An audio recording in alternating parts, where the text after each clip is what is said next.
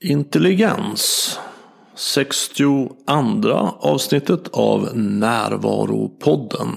En samlande kraft mot tankarnas terrorism.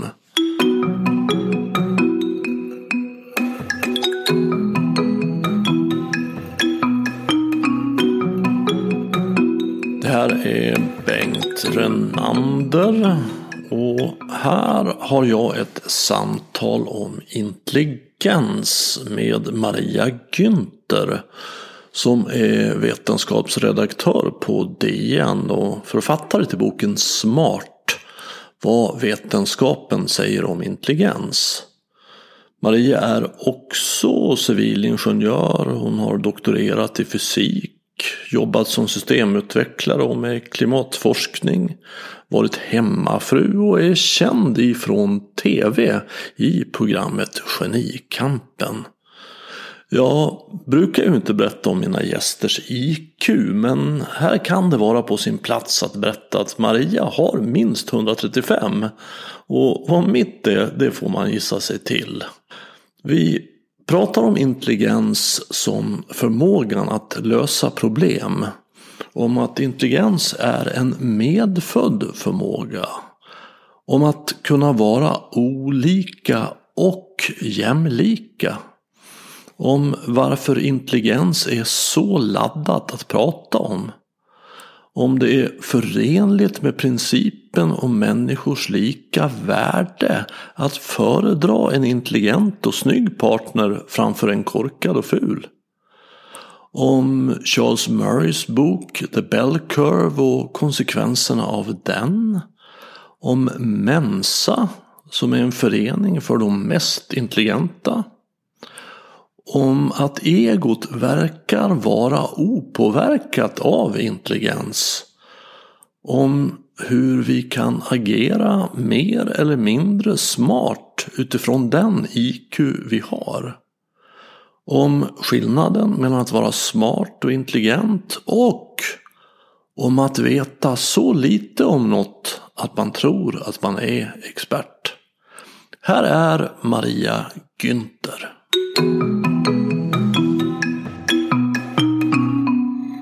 Jag tror alla vi har vår egen bild av intelligens. Mm -hmm. och det finns ju många olika sätt att definiera intelligens. Men man kan säga att det, som, det handlar om dels att kunna anpassa sig efter sin miljö. Att lära av sina erfarenheter. Att hitta lösningar, nya lösningar på problem. Använda sin kunskap för att hitta lösningar. Ja, det, det, det är min oh. bild också. Jag, jag kan säga det i tre, fyra ord. Alltså att förmågan att lösa problem. Precis. Det är intelligens för mig. Ja, absolut. Och uh, ju bättre sån förmåga jag har, ju mer intelligent är jag. Mm. Och ju mer intelligent jag är, ju bättre kan jag lösa problem. Absolut. Och sen kan man väl dela upp problem i två huvudgrupper. Mm. Uh, problem som har en given lösning och problem som inte har en given lösning. Ja. I din bok så har du ju en del roliga sådana här uppgifter efter varje kapitel. Och, mm. Men de har en given lösning. Absolut. Där finns det en färdig lösning. Och jag har jobbat mycket med kreativitet och kreativitetsutveckling. Och det är ju då att, att lösa problem som inte har en given lösning. Som jag också inbegriper i intelligens. Absolut. Det var egentligen en av mina ingångar till hela det här forskningsområdet. Där, för att, alltså det började ju med att jag för länge sedan skrev en artikel om intelligensforskning i Dagens Nyheter. Och när jag, i och med att jag gjorde den artikeln så gjorde jag inträdesprovet till Mensa. I inträdesprovet så har man ju problem som man ska lösa och de har ju allihopa en lösning. Alltså det är ju, det egentligen, går det ju egentligen ut på att lista ut vad någon annan har tänkt. Mm. Och jag tänkte att hur kan det här ha någonting att göra med verklig intelligens. Jag tycker att jag listar ut vad någon annan har, försöker lura mig eller försöker få mig att tänka fel eller så. Mm. Vad, det har ju ganska lite med verkligheten att göra. Men, mm. andra, men på något sätt är det så att den förmågan som man mäter i sådana intelligenstest ändå är kopplad till förmågan att lösa verkliga problem. Jag tycker det är lite märkligt. Mm. Ja, det är fascinerande. Ja. För vad det ofta handlar om, det finns ju olika delar i ett intelligenstest. Vad är de vanligaste delarna Man tar ett intelligenstest. Ja, alltså, alltså, man bara tar Mensa intelligenstest så är det bara sådana här mönsterigenkänning. Men om man gör ett, här, en, en, om man gör ett större intelligenstest som till exempel intelligensforskare gör mm. så, så kan det vara många olika delar. Det, det, man kan, det påminner lite om högskoleprovet. Lite, mm. det, är lite, eh, alltså det kan vara verbal förmåga, liksom, läsförståelse.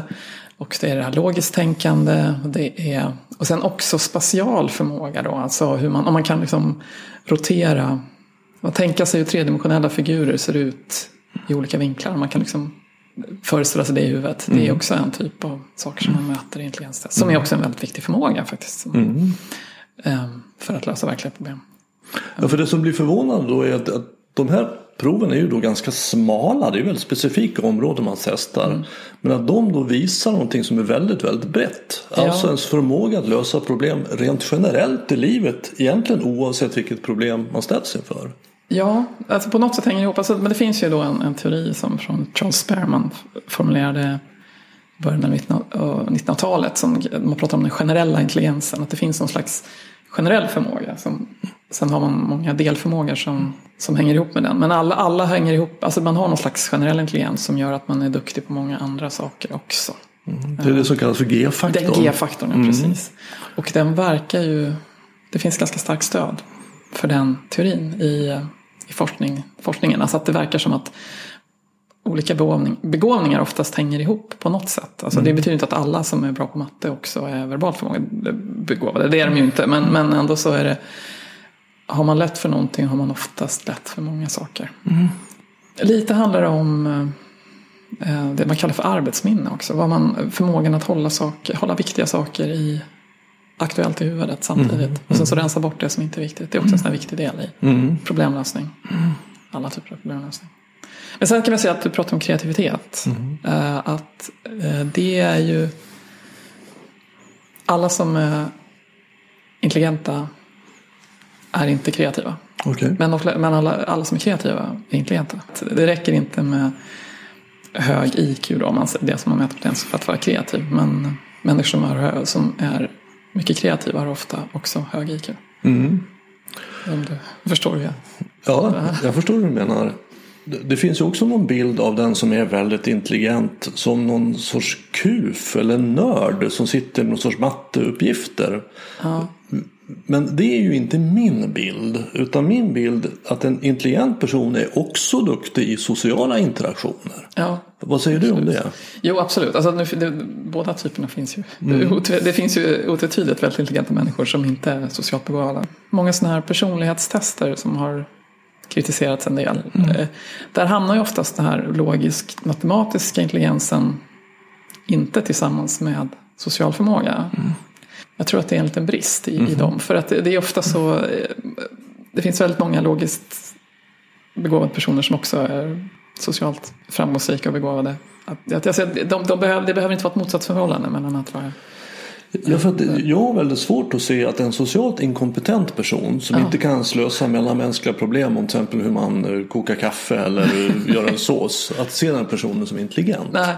Nej, det absolut. blir svårt att få ihop det. Ja, Även om man löser tredjegradsekvationer liksom med vänster hand. Absolut, jag, jag håller med. Med. Eftersom jag nu är vetenskapsjournalist. Mm. Så jag har ju förmån, då, eftersom jag är svensk vetenskapsjournalist så har jag förmån att jag får träffa Nobelpristagarna varje år. Mm. Och de är ju alltid det är ju verkligen inte vilka som helst som får Nobelpris. Men de är också, i princip alla är ju väldigt fascinerande personer på så många sätt. Alltså, ja. de, de, är, de är inte bara bra på sin lilla grej utan de är också, ja, det är alltid personer man blir djupt imponerad av på alla plan. jag vet inte om det finns fortfarande, för jag ser så lite på tv, men det fanns ett program som heter, jag tror det heter Snillen spekulerar. Ja, just det. Där Nobelpristagarna varje år fick sitta runt ett bord och samtala. Ja, och där slås man ju av den värme och humor och ödmjukhet och precis. hög social kompetens som de besitter de ja, allra, allra flesta. De allra flesta, inte riktigt alla men de flesta. Ja. ja. Så det är nog G-faktorn, alltså är man intelligent på ett område så spiller det, det över på väldigt många områden. Precis. Och det här är en realitet. Det här är ju testat, alltså vetenskapligt i, på många sätt. Ja, alltså absolut. Det är ju det. Det finns ju jättemycket. Alltså i psykologin är nästan det här det som har starka stöd faktiskt. Ja. Rent vetenskapligt. Att intelligens att det finns något som heter intelligens. Alltså vi har olika förmåga att lösa problem. Att den är mätbar. Och att den är utslagsgivande i hur man sen lyckas i livet. Ja. Men sen finns det ju förstås annat som också är viktigt. I livet? Ja. Än intelligens? Ja, det gör det. Att intelligens är så väl beforskat är också för att vi har ett ganska enkelt verktyg att mäta det med också. Det är, och det finns ju Alltså social förmåga har vi inte alls ett lika lätt sätt att mäta. Eller, alltså det, det, det får man ju oftast mäta med enkäter och sådär. Så det blir mycket mer där man själv får skatta sig själv. Men det finns en studie som jag har med i boken som jag tycker är fascinerande. Som är gjord på um, män som mönstrade i Sverige. Alltså de är födda slutet av 60-talet, början av 70-talet. Och sen så följde man och så kollade man hur, de, eh, hur det gick för dem i mönstringen. Och så såg man vad de gjorde i livet i ungefär 35-årsåldern. Och eh, då såg man ju, för just man med mönstringen. Det gjorde de ju dels intelligenstest men också så hade de ju psykologer som gjorde utlåtanden om dem. Alltså professionella psykologer som intervjuade allihop och sen eh, gjorde utlåtanden om hur Ja, vad, vad de skulle klara av eh, för placeringar. Och, så där. och, och då, såg, då såg man ju, de forskarna som gjorde det, om de jämförde både intelligenstesterna och eh, psykologutlåtandena så såg de att just de som hade klarat sig allra bäst, där var intelligens väldigt viktigt. Men om man tittar på de som hade klarat sig sämst, alltså på arbetsmarknaden eller så, så där var inte, inte intelligens alls lika viktigt, utan då var det de här psykolog, psykologutlåtandena som var mycket mer viktiga. Alltså om man eh, Alltså då kan man, handla om, kan man ta kritik eller har man bra, hur bra människor på att samarbeta och sånt. Eh, och, så deras slutsats var att liksom, intelligens är viktigt för att lyckas. Men andra egenskaper är viktigare för att inte misslyckas. Förstår du hur jag tänker? Nej, jag, vet inte. Intelligens- jag, förstår att intelligens är viktigt för att lyckas. Ja. Ja, men, Men alltså, om, man, om man tittar till exempel på om folk som hade varit arbetslösa väldigt länge i den här gruppen. Så var det inte så hur länge de var arbetslösa. Det, det, där spelade det liksom nivån på intelligensen ingen roll. Däremot så hur lätt de hade fått nytt jobb till exempel. Där var de här personliga egenskaperna mycket viktigare. Så att för att överhuvudtaget komma in på arbetsmarknaden kan man säga då. Det var deras slutsats. Då, då, är, det, då är det mer andra egenskaper som är viktiga än intelligens. Så Okej, som empatisk förmåga? Ja, eller, ja, eller ja, samarbetsförmåga, förmåga att ta kritik och sånt. Och det, är ju, det kan ju vara viktigt för det är ju saker som man mer kan lära sig också. Ja, För att intelligens är ganska mycket stor, ganska till stor del medfött. ja, Eller, men, men andra förmågor är ju lättare att faktiskt lära sig, Ja. tror jag. Nej, för det är väl så att intelligens är helt och hållet medfött? Ja, ehm, helt och hållet medfött. Um, nej, alltså det går ju att sänka intelligens hos små barn och foster och sådär. Okej. Till exempel om, om en gravida inte får tillräckligt med jod så blir deras, föds deras barn med lägre IQ. Om de utsätts, små barn som utsätts för blyföroreningar får lägre IQ och parasitmaskar och sånt där. Ja. Alltså det är mycket som man kan göra för att sänka IQ. Och sen finns det ju någonting man kan göra för att höja IQ i hela befolkningen. Det är ju allmän skolgång. Ja. Men även om man då har en mamma som inte har ta- tagit tillräckligt med jod Jod, så föds man med en intelligens som är lägre än den man skulle kunna haft. Ja, men, men det är den man föds med och då är det den man har sen. Eh, ja,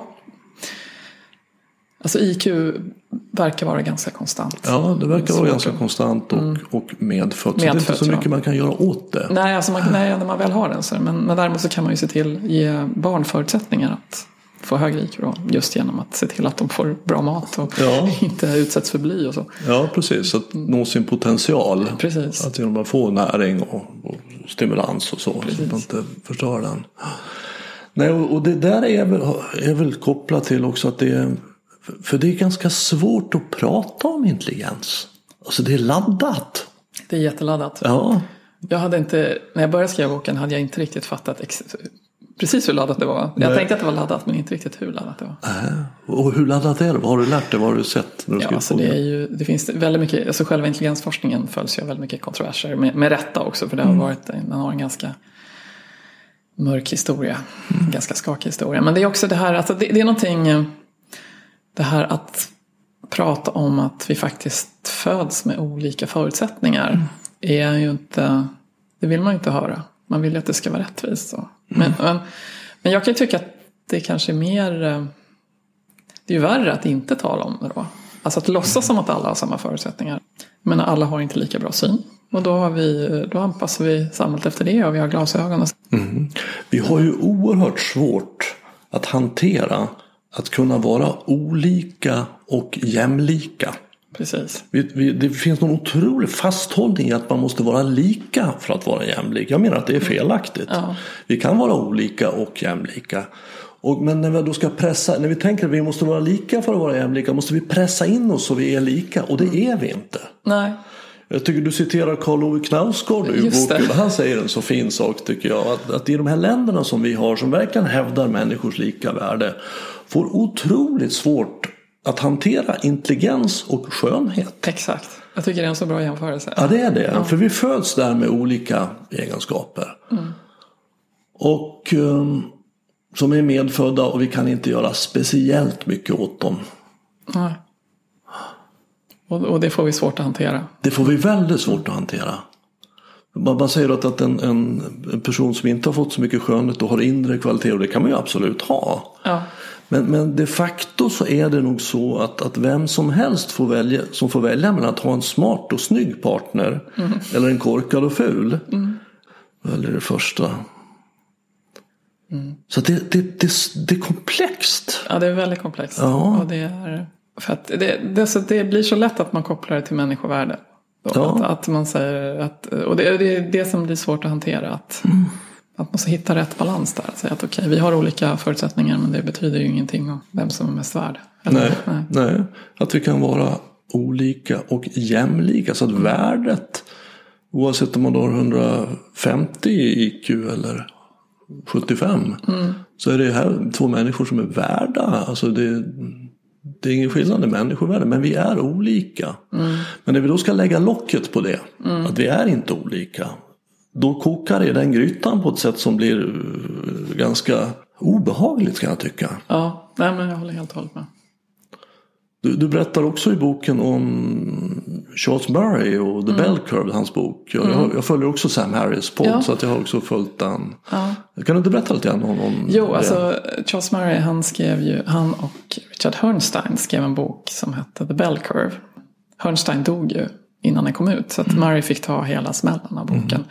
Och den handlar egentligen om att det håller på att växa fram att en ny överklass, i, de skriver fram, framförallt om det amerikanska samhället, alltså de där människor med hög IQ blir de som får att det, blir en vikt, vikt, alltså det blir den viktigaste faktorn för att, för att klara sig i samhället. Men så skriver de också om eh, att det finns IQ-skillnader i medeltal mellan olika folkgrupper. Och det är det som hela boken fick eh, uppmärksamhet och det blev ju en jätteskandal och Charles Murray blev ju paria i, eh, i forskarvärlden sedan dess. Och, eh, det, det, det, är ett jättefint avsnitt här på Sam Harris där han får berätta om sitt, sitt liv. Ja, ingen har velat samarbeta med honom, ingen vill prata med honom. Så. Men han, han, såg, han såg det ju inte bara som negativt i och för sig. Han såg att men ja, han, han kan få fortsätta göra det han vill. Men, men att, det, att man inte ens kan ta i frågan utan att det blir... Det, för att vi ska väl kanske också betona att det han skrev var inte en debattbok med åsikter utan han redovisade en studie som var gjord. Ja, precis. Det gjorde han. Det, det var det han gjorde. Ja. Så det var inte hans egna åsikter Nej. han torgförde utan det här är en studie som är gjord och det här är de resultat som har kommit. Ja, och de visade då att det fanns olika skillnader i intelligens mellan olika folkgrupper. Ja. Och bär man då tron att vi måste vara lika för att jämlika så är ju det här väldigt dåliga nyheter. Ja, precis. Och, och då kan vi inte ta i den studien utan vi, vi fördömer den som budbäraren. Mm. Och för dig som är vetenskapsjournalist är det här ganska intressant. Ja, det är jätteintressant. De studier som finns på det här är ju ganska få och inte så välgjorda. Så vi kan, vi, vi, kan inte säga, vi, vi vet liksom inte om det finns någon medel IQ-skillnad och eller vad den skulle bero på. Alltså det, eh, men jag tycker mer att det är intressant ur vetenskapsfilosofiskt nästan. Alltså vad, vad gör vi om vi får ett sånt resultat? Och att det, och att det håller.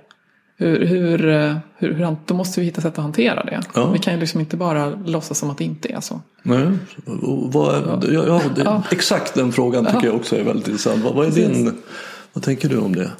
Då, då blir det mer frågan hur hanterar vi en sån fråga? Så, och det är ju mer en politisk eller en moralisk fråga. Liksom. Alltså att vad, vad gör vi med, eh, med en sån kunskap som vi kanske inte skulle önska att vi hade? Och, och liksom, ska vi då bara strunta i dem? Mm. Alltså det, det, handlar också, det handlar också överhuvudtaget om det här att vi har olika förutsättningar. Ska vi, eh, jag tycker då att har vi ett samhälle där vi har olika förutsättningar ska vi hjälpa alla att nå sin egen potential. Liksom, mm. Och att vi inte bara ska strunta i dem. Vi har olika förutsättningar och därför behöver vi, har vi olika behov för att klara oss. Mm. Ja. Jag tänker så att, att sanningen har en sorts kvalitet. Mm. För att om vi står på sanningen så står vi på fast mark. Absolut. Så det vi gör kan ta spjärn ifrån någonting så att det händer något på riktigt. Så därför så är det ju den vetenskapliga metoden som eftersträvar sanningen, i alla fall eftersträvar att ta bort det som inte är sant. Precis. Det är någonting som, som är en vän för oss när vi vill förändra och utveckla. Och om vi då vill skapa en annan sanning av ja, moraliska skäl, för den här sanningen som, som verkar vara, den vill vi inte hantera, så kommer det vi gör inte att, att förändra någonting. Nej. För att, att det blir kontroversiellt mellan olika folkgrupper, absolut, men jag menar, det är ju samma sak som även om man tar inom en folkgrupp. Att, att det är bara att skala upp det ett steg. Precis. Att det finns skillnader inom en folkgrupp mellan, vad rör det sig mellan IQ på 50 och 150 ungefär, är det där kurvan börjar ja, på 50. Och. Man brukar, alltså man brukar 70, eller ja, alltså under 70 så är man ju, eh, då är man ju ganska gravt förståndshandikappad. Ja. Ja, men, alltså 70-130 finns de flesta. Men, ja. men, men sen, sen, så finns det ju längre ut på svansarna. Ja, så någonstans i ytterändarna 50-150. Ja, ja, liksom, den, går ju, den, går ju, den tar ju egentligen aldrig slut. En, en sån här. Och medel är då 100. Det ser ut som en bell, det är en klocka, det är en klockkurva. Det ser ut Precis. som en kyrkklocka kan Precis. man tänka sig. Och längst upp där är 100 och där är medel. Mm. De flesta och så är det ungefär lika många på varje sida. Eller ganska ja. exakt lika många på varje ja. sida. Um, man, man, det, är bara en gång, eller bara två gånger i historien man har gjort en sån här, man tagit en hel årskurs. Man tog alla 11-åringar på Irland mm på 30-talet och 40-talet. Mm. Och då gjorde man så att alla fick göra, alltså i princip alla fick göra intelligens. Och då såg man faktiskt att, då kan man tolka det som att det faktiskt finns lite fler under. Alltså det, det, det resultatet kan man, okay. alltså, som att för att då, då för då kan man eh, men det kan ha miljö, då kan det vara miljöfaktorer som påverkar. Mm. Alltså att, men har man inga miljöfaktorer som påverkar så finns det lika många över som lika många som under. Och Bell kallas ju också för normalfördelningskurvan. Mm. Och den gäller väldigt många mänskliga egenskaper. Ja. Alltså längd och, ja, och vikt. Och så att, att, det är ganska märkligt att, att mänskliga egenskaper följer, mm. följer den så tydligt. Mm. Men det är ju ren statistik. Ja. Alltså, det är, eh, så att, men den skulle ju kunna se annorlunda ut. Ja, absolut. Det skulle, det skulle kunna göra. Att man blev vanligare och vanligare och vanligare. Att man var 1,90 lång och sen poff, ja, var det ingen som var längre än så. Precis. Ja, så vi är olika och vi har mm. olika intelligens. Vi har svårt att hantera det. Mm. Men, men jag tänker också som du att, att vi behöver identifiera det. Alltså, mm. Alltså, det är ungefär som att vara dyslektiker till exempel. Och om man är dyslektiker att vi då inte ska låtsas om det. Det hjälper inte dyslektiker. Det är väldigt mycket bättre att säga att, att jag är dyslektiker och jag behöver, jag har speciella, jag är inte mindre värd för det. Nej. Men, men det här är hjälpsamt för mig mm, som verkligen. dyslektiker. Så att vi kan hjälpa alla med vad vi behöver. Det skapar ju mer jämlikhet. Verkligen. Att vi får vara olika. Att vi är olika inte samma. Nej. Män och kvinnor är olika. Och, mm. och, och, och, det är väl inte konstigt heller att olika folkgrupper också har olika intelligens. Det är, det är mycket som är olika mellan folkgrupper. Sen är det mycket som förenar också. Mm. Det mesta förenar. Mm. Men det är ju inte konstigt att vi är olika. Nej, det tycker inte jag heller. Jag, jag tycker det är någonting vackert att hylla. Och kan, kan man se det rent evolutionärt. Då. Mm -hmm. Alltså att just att det finns stor variation så blir det lättare att anpassa sig hela liksom, arten till mm -hmm. nya förutsättningar. Att det behövs variation i... Verkligen, verkligen. Ja. Och jag menar, det är ju helt omöjligt alltså att, att alla skulle ha samma intelligens. Det är ju som att alla skulle ha samma längd. Mm, det, det, är lika sannolikt. Ja, det är fullständigt osannolikt. Eller alla ser likadana ut. Precis. För det finns ju så många variabler i ett utseende. Mm. Och det gör det väl också i intelligens? Ja, absolut. Att vi har många olika variabler. Ja. Och det är väldigt många olika gener som är inblandade. Ja. Alltså, länge så trodde man att man skulle hitta liksom, några få intelligensgener. Men Mm.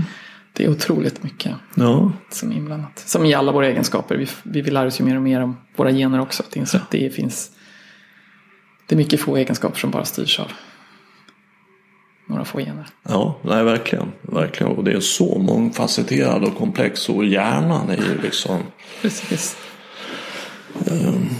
Du, du berättar också i din bok om din resa in i Mensa och erfarenheter. Just just det, det. det var det i boken som förvånade mig- mig mest. Så att, kan du inte berätta lite grann om det? Vad- Jo, eh, jag gjorde ju alltså då inträdesprovet till Mensa när jag skrev den här artikeln till DN i början. Ska du berätta vad Mensa är för Ja? Mensa är ju en förening för de alla med IQ över 132, tror jag det är. Nu ska jag hoppas jag inte säger fel här, men det är de två procenten, översta procenten i, i befolkningen. Det, så det är ju inte, alltså det låter ju som ganska lite, men två, det är ju ändå två av hundra. Det är inte en jätteovanlig egenskap ändå. Men ja, då finns den, den bildades på, i England på 50-talet tror jag. Eh, och då, det var som ville att man skulle hitta en slags hjärnturist som skulle lösa världens problem. Ja. Liksom. Sen så blev det ju mest en förening för människor som gillar kluriga gåtor och sådär. Men, jo, men, men i alla fall, jag, jag eh, gjorde inträdesprovet till Mens, Mensa när jag gjorde den här eh, artikeln. Och sen så intervjuade jag lite Mensa-medlemmar också. Jag intervjuade ordföranden och några andra. Jag tyckte de jag hade aldrig funderat på att gå med i Mensa tidigare för det, äh, det kändes, varför, ska man göra det? Men, men de var ju väldigt, de var lite som jag tyckte jag. De var ju så här, lite så här, ja, tyckte om samma grejer som jag gjorde. Tyckte om Ja, att spela vad var det då? Ja, men jag, jag, tycker, jag tycker att, äh, alltså, jag har alltid tyckt att sådana här tankenötter och sånt är jätteroligt. Och jag tyckte att det är roligt med korsord och tycker det är roligt med sådana spel och sånt där. Jag tycker, alltså jag tycker den här klurigheten, det tycker jag är väldigt kul.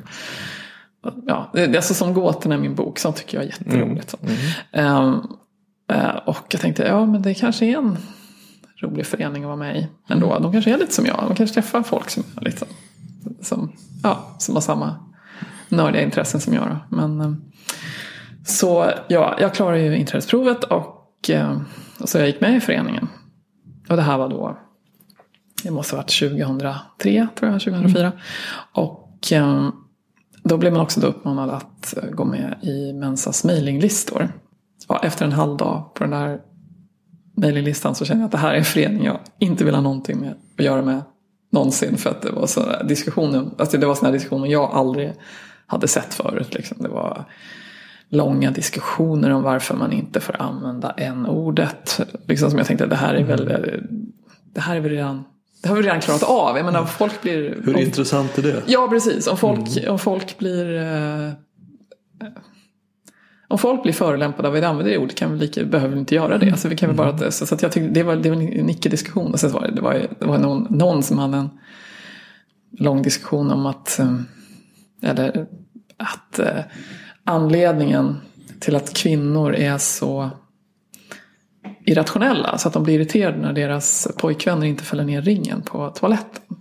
Eh, Det är för att rent evolutionärt så måste kvinnor hitta eh, en partner som står ut. De måste bete sig som barn så de ska kunna hitta en partner som sen kan stå ut med att ta hand om barn. Alltså det var, det var så här, jag bara, det här är ju, jag hade ju aldrig sett något liknande innan. Nu, nu har jag ju det, nu finns Twitter, nu finns Facebook, nu finns det ett kommentatorsfält. Så nu har jag ju sett den här typen av diskussioner. Så jag hade inte blivit alls lika chockad idag. Men då hade jag aldrig, jag hade aldrig varit med om något liknande.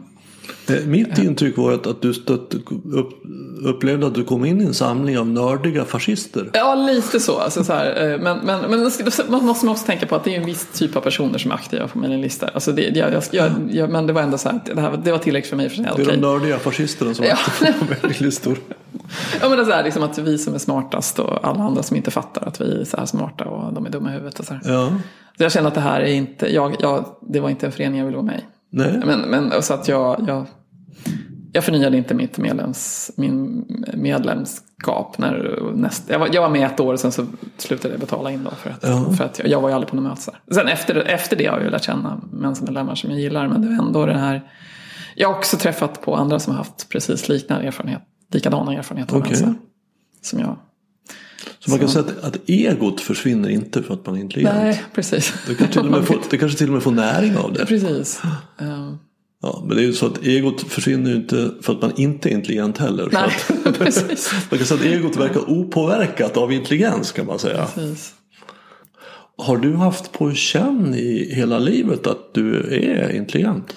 Alltså jag kommer ju från en väldigt högbegåvad familj. Alltså, Okej. alltså, alltså alla mina föräldrar är- och Hur genetiskt kopplat är det? Intelligens? Ja, jag- Ja, det är ju ganska genetiskt kopplat. Det är det? Ja, eh, så jag... Nej, men dels där alla är väldigt högbegåvade och alla tycker att sånt här är kul. Alltså, Mm. min, min bror och jag, vi håller hela tiden på skickar svåra gåtor till varandra och ser vem som... Mm, Han, han, han hade faktiskt fel på en av gåtorna i min bok och det tyckte jag var jätteroligt. Så att, Ja, ja, lite tävling. det är lite tävling, men det är ju alltså, det är bara för att vi tycker att det är kul. Men du märkte att det gick bra i skolan och rätt lärare och... Ja, alltså skolan var inte speciellt rolig. För Okej. att det där märkte man ganska snart att man inte... Alltså jag var ju van vid det här sättet att tänka på. Och så de flesta tänkte ju inte så. Det är inte så, man blir ju inte... Alltså när jag gick i skolan på 70-talet blev man i alla fall inte populär i skolan av att vara smart. Eller Nej. då var det duktig. eh, Och eh, så eh, då försökte man mer anpassa sig. Alltså man insåg att jag tänker annorlunda än alla andra här. Så då måste det vara något fel på mig snarare Okej. än att det är något. Ehm, Så du hade en känsla av att det var någonting som var speciellt men att det ändå det var inte speciellt attraktivt? Nej, det var inte alls attraktivt. Det var det inte. Hmm. Inte i den skolan jag gick i alla fall. Okej. Men, eh, men å andra sidan, jag kan säga att jag hade det tufft i skolan. Men jag hade ändå en identitet.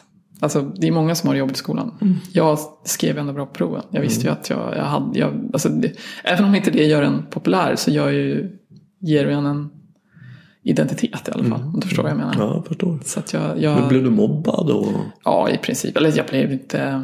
Jag var ju jag utsatt. Och, ja. Alltså mobbad kan ju innebära väldigt många olika saker. Men alltså, det var inte så här att de... Men man kan nog definiera som mobbad, absolut. Ja, ja. Ja. En, en, vi har ju också svårt att hantera intelligens i skolan. Vid min upplevelse att, att om, om man har någon svårighet så får man väldigt mycket stöd. Och med all rätt, det, det, det är bra. Absolut. Men om man nu, alltså, så att man, man fattar det här väldigt fort. Jag tror att du skriver någonting om det i boken Absolut. också. Att, varför ska man, jag har ju fattat det här, varför ska vi hålla på med det här igen? Ja, jag, jag, ska- jag, alltså, matte var ju det tråkigaste ämnet i grundskolan. Jag förstod liksom inte. Och det var inte förrän jag blev vuxen egentligen som jag insåg att vad det var som var så tråkigt med matten. Att jag, jag fattade ju inte varför ska man sitta och repetera och repetera och repetera. Det var för lätt. Det var för lätt, ja. Och det, jag förstod inte att det var det som var problemet. Utan jag bara tyckte att det var meningslöst att hålla på med det. Ja, det blir det ju. Ja, Det och så hade man fått eh, utmaningar. Hur, varit- hur sköter man det här i skolan idag? Vet du det? Jag tror att man är mer medveten om det. Jag, jag har ingen direkt insikt i skolan. Men eh, det är... Eh, I alla fall så pratas det ju mer om att man ska kunna ge barn mer utmaningar. Så det finns ju ja, det finns studier gjorda i USA. Det finns, om man nu kan översätta dem till svenska förhållanden. Det är inte säkert man kan göra det. Men alltså där man har följt såna här högbegåvade tonåringar från att de är tonåringar tills eh, genom livet. Och då kan man ju se att har de fått extra stöd eller extra utmaningar i skolan så har de nytta av det hela livet. Jo. se. Och det behöver man ju inte vara så intelligent för att Nej. förstå. att, att man behöver liksom ha utmaningar som ligger på den nivån där man är. Mm. Alltså som kräver att man anstränger sig till det yttersta men då och endast då klarar det. Precis. För det är ju väldigt stimulerande. Mm. Då blir man ju stimulerad. Ja, för det, det är det, alltså vi har ju idrottsklasser och musikklasser. Och, för där är det okej att vara bättre. Men, Men om vi skulle ha snyggklasser och intelligensklasser, det skulle inte funka. ah, snyggklasser, jag vet. Att här får bara de som är snygga gå. Ja, och den här klassen så får bara de som är intelligenta gå. Ja. Ja, jag, alltså jag hade ju mått bättre i skolan. Haft roligare i skolan om jag hade fått eh, haft, eh, hade sluppit göra alla de här matteuppgifterna. så att säga. Och istället hade fått matte som var rolig för mig. Ja, precis. Men ja.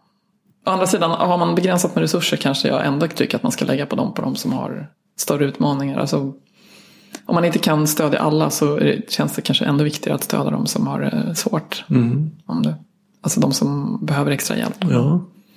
Men det ena behöver inte utesluta det andra. Verkligen inte. Och, och, särskilt med tanke på att det förmodligen inte är så kostsamt Nej, att stödja de som har det lättare för sig. Nej. Det är mer, kostnad, mer personalkrävande. Och, och ja, men att man kan stödja alla utifrån deras förmåga. Det vore väl det allra bästa. ja det vore ju Ja. Hur, har- hur har det hjälpt dig i livet? Har det hjälpt dig i livet att vara intelligent? Det kan ju kanske också vara en förbannelse emellanåt. Ja, fast jag ehm, tror... Ja, men jag har det hjälpt. Alltså jag har ju, som sagt, jag har gjort väldigt mycket olika saker. Ja, när du Eh, berättar om din, ja. din eh, CV där så, så tänker man att det här måste ju vara en väldigt intelligent människa. Det hör man ju. Ja, men, men det är så att jag har aldrig liksom varit rädd. Och, jag har ju alltid tyckt om utmaningar. Alltid hoppat på det som har varit svårast. Som en kompis till mig säger. Och det, det, det är så jag trivs. Och, Ja. Nej, för du tänker att jag klarar nog det här. Ja. Men sen, sen så ibland så, jag menar. Det, jag, det, var, det var ganska tydligt när jag, när jag började läsa fysik. För det var den svåraste linjen att komma in på, teknisk när jag skulle börja plugga. Teknisk fysik sa du? Ja, just det. Och för då, men det, var ändå, för att då kom vi ju från hela Sverige. Och alla hade varit bäst i klassen och hade sin identitet och var bäst i klassen. Och alla Det var var de där två procenten. ja, just det. Men sen då, när man då inte längre är bäst i klassen. Just det.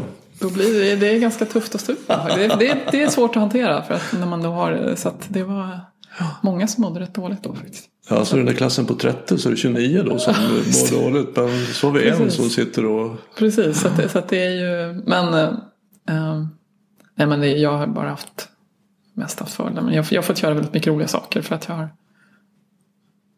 ja, eh, det, det, så jag har valt, ofta valt fel Ja. branscher. Eller jag har valt branscher som har gått dåligt. Men då har jag alltid hittat ett annat hoppat på. Så jag har klarat det också. Och det är ju då förmågan att lösa problem. För att hur, hur branscher går är ju bortom din Absolut. kontroll. Absolut. Men att, att det, för jag, jag tycker att den kanske mest kreativa, möjligen också mest intelligenta frågan man kan ställa sig när man stöter på ett problem är Okej, vad gör jag med det här? Precis. Precis. Det är jädrigt smart. Ja. Istället för att fan också jävlar, Att vara emot problemet. Det tycker jag är ett så vanligt hinder. ja. Jag är emot problemet. ja. Det borde inte vara så här. Nej. Och det gör ju att min förmåga att lösa det blir väldigt liten. Men de här, jag behöver inte vara för problem. Jag kan säga att okej. nu den här branschen gick i konkurs. Hela branschen samtidigt som, som jag utbildat mig till. Okej. Vad gör jag med det här? Ja, precis. Då är jag ju hela tiden konstruktiv i verkligheten. Och det här tänker jag mig är ju någonting man faktiskt kan påverka. Man kan kanske inte, på, man kan inte påverka den intelligens man har i ett intelligenstest. Det kommer man att landa på samma. Men hur jag förhåller mig till världen kan jag ändra. Absolut. Så att jag kan ag- agera mer eller mindre smart utifrån den IQ jag har. Absolut. Ja. Helt och hållet. Det håller jag helt och hållet med om. Så det är ju då en, eh, vad ska vi säga, en hoppingivande sanning för oavsett vilken intelligens man än har. Så kan jag agera på ett sätt utifrån den intelligensen som blir mer eller mindre konstruktiv. Ska- Det är väl egentligen vad jag sysslar med här. Jag Ja. hjälper, hjälper människor att, att bli mer konstruktiva i verkligheten. Alltså att agera skickligt. Jag tycker egentligen bättre om ordet skillful på engelska som buddhisterna använder. Det är det de är ute efter. Det ska vara hur kan jag skickligt lösa det här? Alltså på ett effektivt och, och, och bra sätt för alla inblandade. Ja, det är ett jättebra uttryck. Ja. EQ är ju också ett begrepp som vi pratar mycket om. Vad, vad är det för någonting? Då? Alltså det är ju också ett begrepp som blev eh, eh, populariserat med en bok. Men där är det... Det kan, det kan vara lätt liksom intuitivt att förstå vad man menar med EQ. Men det, det, det, det håller inte riktigt som... Alltså det är ja, jag sa M, ja, vad säger man? känslomässig intelligens. Eller vad säger man på svenska? Emotionell intelligens. Emotionell Ja. intelligens, ja. Eh, Men eh, det, rent vetenskapligt så går det inte att, att mäta det på samma sätt som ett IQ. Alltså det, så det, det är inte en vetenskaplig teori som håller. Och det är ju möjligt att den är betydligt mer miljömässigt betingad än vad IQ är. Alltså om jag växer upp i en familj där man har effektiva och smarta och varma sätt att lösa mellanmänskliga konflikter på ett känslosamt och intuitivt sätt. Så lär jag mig att tillägna mig det. Och har man inte det utan löser det med våld eller Ja då är det det jag lär mig. För hur ska, hur, ska jag veta vad det innebär att vara människa när jag föds? Ja. Och det innebär att om jag lär mig fel i uppväxten så är det jag kommer att tillämpa. Och gör jag fel så blir det ju fel. Men när jag inser det så kan jag ju faktiskt lära om. Ja. Även som vuxen. Och hitta smartare sätt att göra det på. precis. Du döpte boken till Smart. Ja. Ja, varför, kom, hur tänkte du då? ja, jag tänkte jag. Jag tyckte det var ett bra namn. Mm. namn som... eh, Hur förhåller sig smart till intelligent? Mm, jag har fått den frågan. Ja. Jag har inte, jag hade, jag, det har jag faktiskt inte riktigt tänkt på förrän efter jag skrivit boken. Men, Mm. ehm, alltså det är ju inte riktigt synonymt, det skulle jag inte säga. Nej, det, det håller jag Eh, med. För att, Då hade det inte varit två olika ord. Nej, precis. För om man, intelligens är ju mer, känns mer väldefinierat kanske. Mm. Men smart är mer Smart kan innehålla så mycket annat. Det kan ju liksom vara street smart. Alltså annat, andra typer av... eh, Ja, den associationen gör nog jag. Mm. Att, att det är mer att, att bara att navigera i livet. Ja, precis. vardagslivet, riktiga livet på ett sätt som gör att jag tar mig fram. Precis. På ett sätt som gynnar mig. Det, är också ett sätt att till exempel navigera i en hierarki på en arbetsplats. Och sådär, Mhm, verkligen. som jag är usel på. Så du är intelligent men inte smart. ja, eller... ehm, det, det, blev, det var ganska tydligt. Jag var ju med i, det var, um, jag var ju med i det här tävlingsprogrammet på SVT som heter Genikampen. Som Ja. för några år sedan. Nu ser jag inte på tv. Nej, jag vet. Nej, jag hade inte sett det själv innan. Det var, väldigt, det var en väldigt rolig upplevelse. För vi var ju Mm. 12 personer där. Som alla hade hög IQ, men vi var ju väldigt olika. Och det var, det, då, då blev det väldigt tydligt, då, när, just när vi tävlade, liksom, vad vi hade för styrkor och svagheter. Jag kan säga att strategi och sånt där, det var ju min stora svaghet. Så här, jag är mer logisk, matematisk och verbal, men inte så mycket strategisk. Nej. Ja, för mig handlar strategi om hur ska jag vinna kriget. Ja, Och taktik om hur ska jag vinna slaget. okej, ja just Ja. det, det är bra Så det är mer kortsiktig taktik, alltså hur jag klarar av det här. Men strategi då får jag vara mer långsiktig och, Ja. och tänka ut flera drag i förväg. Ja, var det du såg att det var inte din? det är inte min styrka. nej. Det finns någonting, jag tror inte du skriver om det i boken, men, men som inom psykologin kallas för marshmallow-effekten. Just det. Som, det var ju en studie som gjordes också på 1900-talet, 70, Ja, just det. 60-talet någonstans där. Ska du berätta hur den... Ja, man har gjort det på flera olika sätt. Men alltså, man, små barn och ställer liksom typ en skål marshmallows eller en skål godis framför dem. Eller, den eller en marshmallow. Så sa de, om du, inte, om du låter bli att äta den här så, så får du fler sen. Och de som, de som, sen så följde man upp dem långt senare och såg att de som kunde avstå en marshmallows nu för att få två lite senare. De hade en typ av självdisciplin som gjorde att de även hade klarat sig bättre i livet senare. Då. Ja, för det var väl så, de gjorde säkert på flera olika sätt, men det, det jag minns från när jag läste boken var att att man de sätter en marshmallow som då är en väldigt attraktiv godsak för ett amerikanskt precis. barn framför säger att du får äta upp den här. Det är helt okej. Det är, inga det är helt okej om du äter upp den. Men om du väntar i fem minuter så får du två. Mm, precis, Och sen går de ut. just det. Och barnet sitter där, okej. Ska jag fresta att äta upp den där naturligtvis. Men vet också att om jag väntar får jag två. Och vissa äter upp den där och faller för frestelsen. Andra väntar och får då två. precis. Och, eh, och grejen var att de följer upp det här då i hela långt, långt framåt. 20, 30, 40 år framåt. Och ser en så tydlig korrelation mellan de som har väntat och de som har fått framgång i livet. Och det där är ju helt intuitivt tycker jag. Alltså att, att förmågan att avstå från en frestelse nu för att få något bättre sen. Det är ju så man bildar en god vana. Verkligen. Absolut. Och att, och att, att oförmågan att avstå från något belönande direkt eh, till förmån för någonting bra sen. Det, det är ju led åt skogen. Det är mycket vi kan stoppa i oss och göra det som ger en omedelbar belöning men är väldigt dåligt på sikt. Ja. Ja, men det, det, det känner man igen. Både från sitt eget liv och från Verkligen, andra, verkligen. andras, andra i ens närhet också. Verkligen. Så att kunna lära sig, för det är också någonting, hur, hur, kopplar vi det här till intelligens? Jo, men det, på, på något sätt handlar det om att se lösningar också. På, Mm, Absolut, att, lösa problem. Att lösa ett problem, ja. precis. Att, eh, om, jag, om jag gör det här nu så sätter jag mig i en värre situation. Än om jag avstår från det här som jag vill göra nu. Mm. Så det är, det är också en sätt av problemlösning. Ja. Man skulle också kunna säga så här att, att det kanske är väldigt smart. Om jag äter upp den här nu då äter jag bara en marshmallows. Och det är Ja. bättre för mig än att äta två sen. Men det var ju inte så som det där testet var utformat. Nej. som jag, tycker det, jag vet inte varför jag tycker det är så komiskt, men det är något komiskt i det. Och det är Dynning-Kryger-effekten. Just det, precis. Vill du berätta om den? Ja, det, den är ju det här att, eh, lite förenklat då, ju mindre man vet om någonting desto mer desto lättare att tro att man är expert på något. Eller kan man väldigt lite om någonting så kan man tro att man kan jättemycket om det. Mm. Och det har man sett många exempel på den här våren tycker jag. När plötsligt alla blev epidemiologer och skulle räkna ut. Och just, just, och nu är vi ju ett helt, helt nytt forskningslandskap där ingen vet nästan någonting om det här nya viruset. Men, mm. men just det här att man kan uttala sig väldigt tvärsäkert om saker man vet lite grann om. Just det. Och sen börjar man lära sig lite mer och så inser man oj, vad mycket mer det var som jag inte kunde här. Absolut, jag brukar tänka mig kunskap som en ballong. Mm. Alltså, och, om man då har väldigt lite kunskap så är ballongen, ja då, då ligger det bara lite och slak på, på, mm. på bordet. Och då har man också li, li, väldigt liten kontaktyta med det man inte vet. Precis. Så det är väldigt lätt att tro att man vet väldigt mycket. Ja, för att man, det är väldigt tomt i ballongen.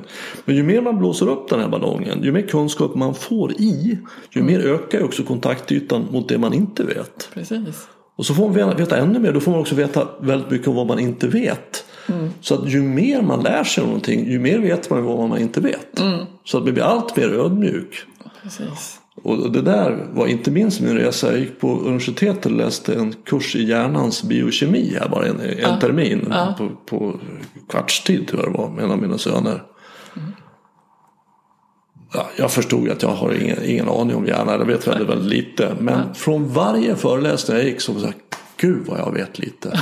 Min upplevelse var från början att jag, jag, jag, fick veta att jag visste, när jag gått färdigt kursen så visste jag att jag vet nästan ingenting. Nej. För det första att vi människor vet väldigt, väldigt lite om hjärnan. Och jag som individ i detta kollektiv vet nästan ingenting om vad vi människor vet. Så det är ju liksom noll. Precis. Och det var väldigt ödmjukande. Mm. För vi har ju en tendens i egot att tänka att vi är väldigt kunniga och betydelsefulla. Mm. Det görs ju många studier, liksom där grupper som har arbetat så efteråt undersöker hur stor del av resultatet har du bidragit med? Ja. Så lägger man ihop det, det blir många hundra procent. Ja, precis. Det är ju intressant. Ja, för just de här Dunning-krigen när de fick fram det här, då hade de ju gett ett ganska svårt prov till jag tror, massa studenter. Och så hade de, frågat, så hade de frågat studenterna själva sen hur de trodde att det gick mm. för dem själva jämfört med andra. Och så insåg att de som hade presterat sämst trodde ju att de hade presterat bland de bättre. Och de som hade presterat väldigt bra trodde att de kanske inte var bland de bättre. Ja. Det, var så här, det talar för att intelligens och ödmjukhet hänger samman. Absolut. Ja. Men eh, jag, jag kan ju se det här lite i min egen mailbox. Eller man, man kan säga, jag, jag läste ju till civilingenjör. Mm. Och när man går ut civilingenjörsutbildning, teknikfysik, så tror man att man kan allt. Mm. Eh, faktiskt. För att mm. man känner för att det, det, är en ganska svår utbildning och så har man klarat den och sådär. Men eh, sen började jag doktorera då i partikelfysik. Mm. Och att det var så här att gå från civilingenjörsutbildningen i fysik till att börja doktorera i partikelfysik. Det var som att gå från mellanstadiet direkt till universitetet. Mm. Utan att ha gått högstadiet och gymnasiet emellan. Så det var verkligen mm. det först då som jag fattade hur lite fysik jag kunde. Mm. När, när jag började inse liksom, oj, hur mycket, oj, oj, oj, vad mycket jag inte kan. Mm. Och jag, ja, det finns ju väldigt många det finns många, många civilingenjörer som mejlar mig om allt möjligt och säger att ja, men jag kan det här för jag är civilingenjör, jag vet hur man löser det. Och så inser jag, ja fast Jo, du är jättebra på det du har gjort men du kanske inte riktigt kan så mycket, förstår så mycket om klimatforskning som du mm. tror. Till exempel. Civilingenjörseffekten. Civilingenjörseffekten, ja. Det är faktiskt en bra. Det kan jag säga då som jag är civilingenjör själv. Men... jag är det inte så att jag kommer väl att få ut med det.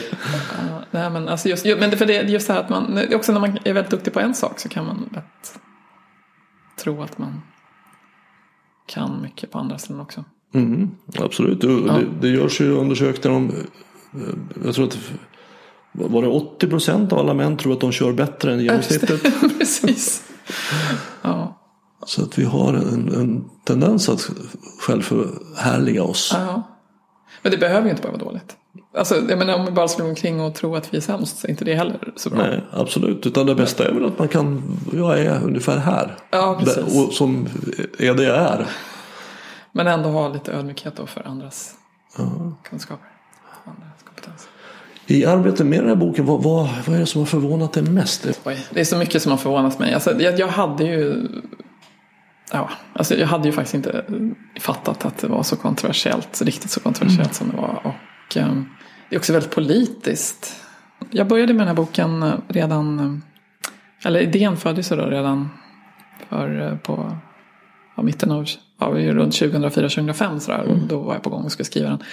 Och, men då läste jag en bok som jag tyckte väldigt mycket om, eh, som jag blev väldigt, väldigt berörd av, som hette uh, The Mismeasure of Man, eller Den felmätta människan. Av mm. Stephen Jay Gould, som en uh, biolog. Eller ja, paleontolog eller biolog. Men han, han var otroligt kritisk till hela IQ-konceptet och jag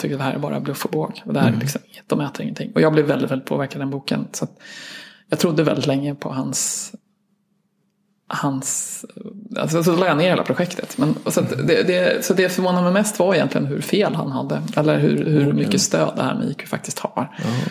Um, och um, för att han, han, han presenterade väldigt hans eh, inställning stämmer egentligen mer med min, eh, kanske, som jag skulle vilja att det var. Kanske att, att IQ inte mäter något på riktigt. Men nu, det, nu är, det gör det. Det, ja. mäter ju något som, eh, alltså det kanske inte, vi, kanske inte, vi behöver inte kalla det intelligens, men det mäter en egenskap som faktiskt är användbar på väldigt många olika sätt. Mm. Och, eh, men sen också att eh, hade inte riktigt väntat mig att det skulle funnits så mycket forskningsfusk i det här fältet också. Som ju också har avslöjats medan jag håller på med boken. Okej. Okay. Um, medvetet forskningsfusk eller? Alltså jag, jag, tror inte, alltså inte medvetet på så sätt. Det finns en, en riktigt betydande intelligensforskare som heter Hans Eysenck. Han mm. anslog uh, väl typ 99 eller någonting. Och han har varit väldigt inflytelserik. Och han, han blev avslöjad som ganska, han hade gjort några studier på samma, att, eh, att eh, personliga egenskaper var mycket större riskfaktor än tobaksrökning för, eh, för lungcancer och sånt där.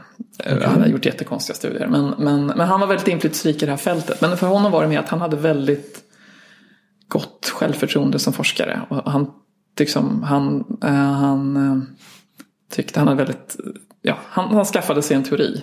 Alltså så här, så här tror jag att det är. Och okay. sen så försökte han hitta sätt att bevisa att han hade rätt. Ja, ja det är ju en klass, klassiska misstaget. precis. Och det, det, är ju inte speciellt intelligent. Men, men alltså, så det, kan man säga att det är medvetet fusk? Jag vet inte. Men det, är ju, det, det blir ju ganska lätt hänt när man, mm. när man tror väldigt mycket på sina egna teser och mm. inte är beredd att ompröva dem. Eller... Man kan väl säga att det, det, är väl vad vi som är utanför den vetenskapliga världen gör hela tiden. Ja. vi söker confirmation bias, alltså vi hittar det som stöder och det är därför den vetenskapliga metoden är bra för att vi ska rensa undan just det. Precis, precis. Det finns en, en stor fysiker som heter Feynman. Han sa alltid när han har fått ett resultat som han trodde på så försökte han alltid hitta sätt att motbevisa sig själv. Mm. Bara för att liksom inte fastna där. Att det. Hur, vad, vad, på vad sätt kan jag visa att det här var fel det jag gjorde. Mm.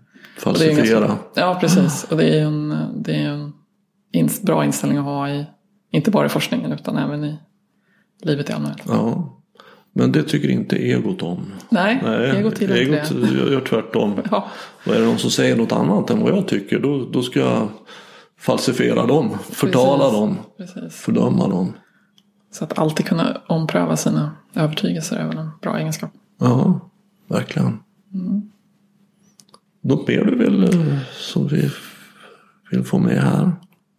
Jag tycker vi har täckt ganska mycket. Ja. det känns bra. Är det något mer du vill? Nej, men jag, jag tycker, jag, jag, tycker det är intressant det här med att vi behöver hitta ett sätt att kunna få vara olika och jämlika. Absolut. För den här vägen som vi, jag tycker verkar vara huvudvägen numera. Att vi ska vara lika. Mm. Att vi får inte prata om att vi är olika. Det är förbjudet. Mm. Den leder åt helvete. Mm, jag håller med. Det kommer bli mycket, mycket farligt. Mm. Det är redan. Ja, jag håller helt med. Ja, och, och, det gäller alla egenskaper naturligtvis. Mänskliga egenskaper. Det finns ju väldigt många andra egenskaper än intelligens. Mm. Men också det. Och så att vi kan ta tillvara på, på de goda sidor som vi som mänsklighet har kollektiv. Alltså det är ju fantastiskt fint om de som är kunniga kan hjälpa de som är mindre kunniga. Att de som eh, har lätt för matematik kan hjälpa de som har mindre lätt. Som har lätt för att läsa kan hjälpa de som har mindre lätt. Så att vi tillsammans kan åstadkomma något gott. Absolut. Det intresserar mig. Då är vi överens där. Okej, Ja. tack för att du kom hit. Tack för att jag fick komma.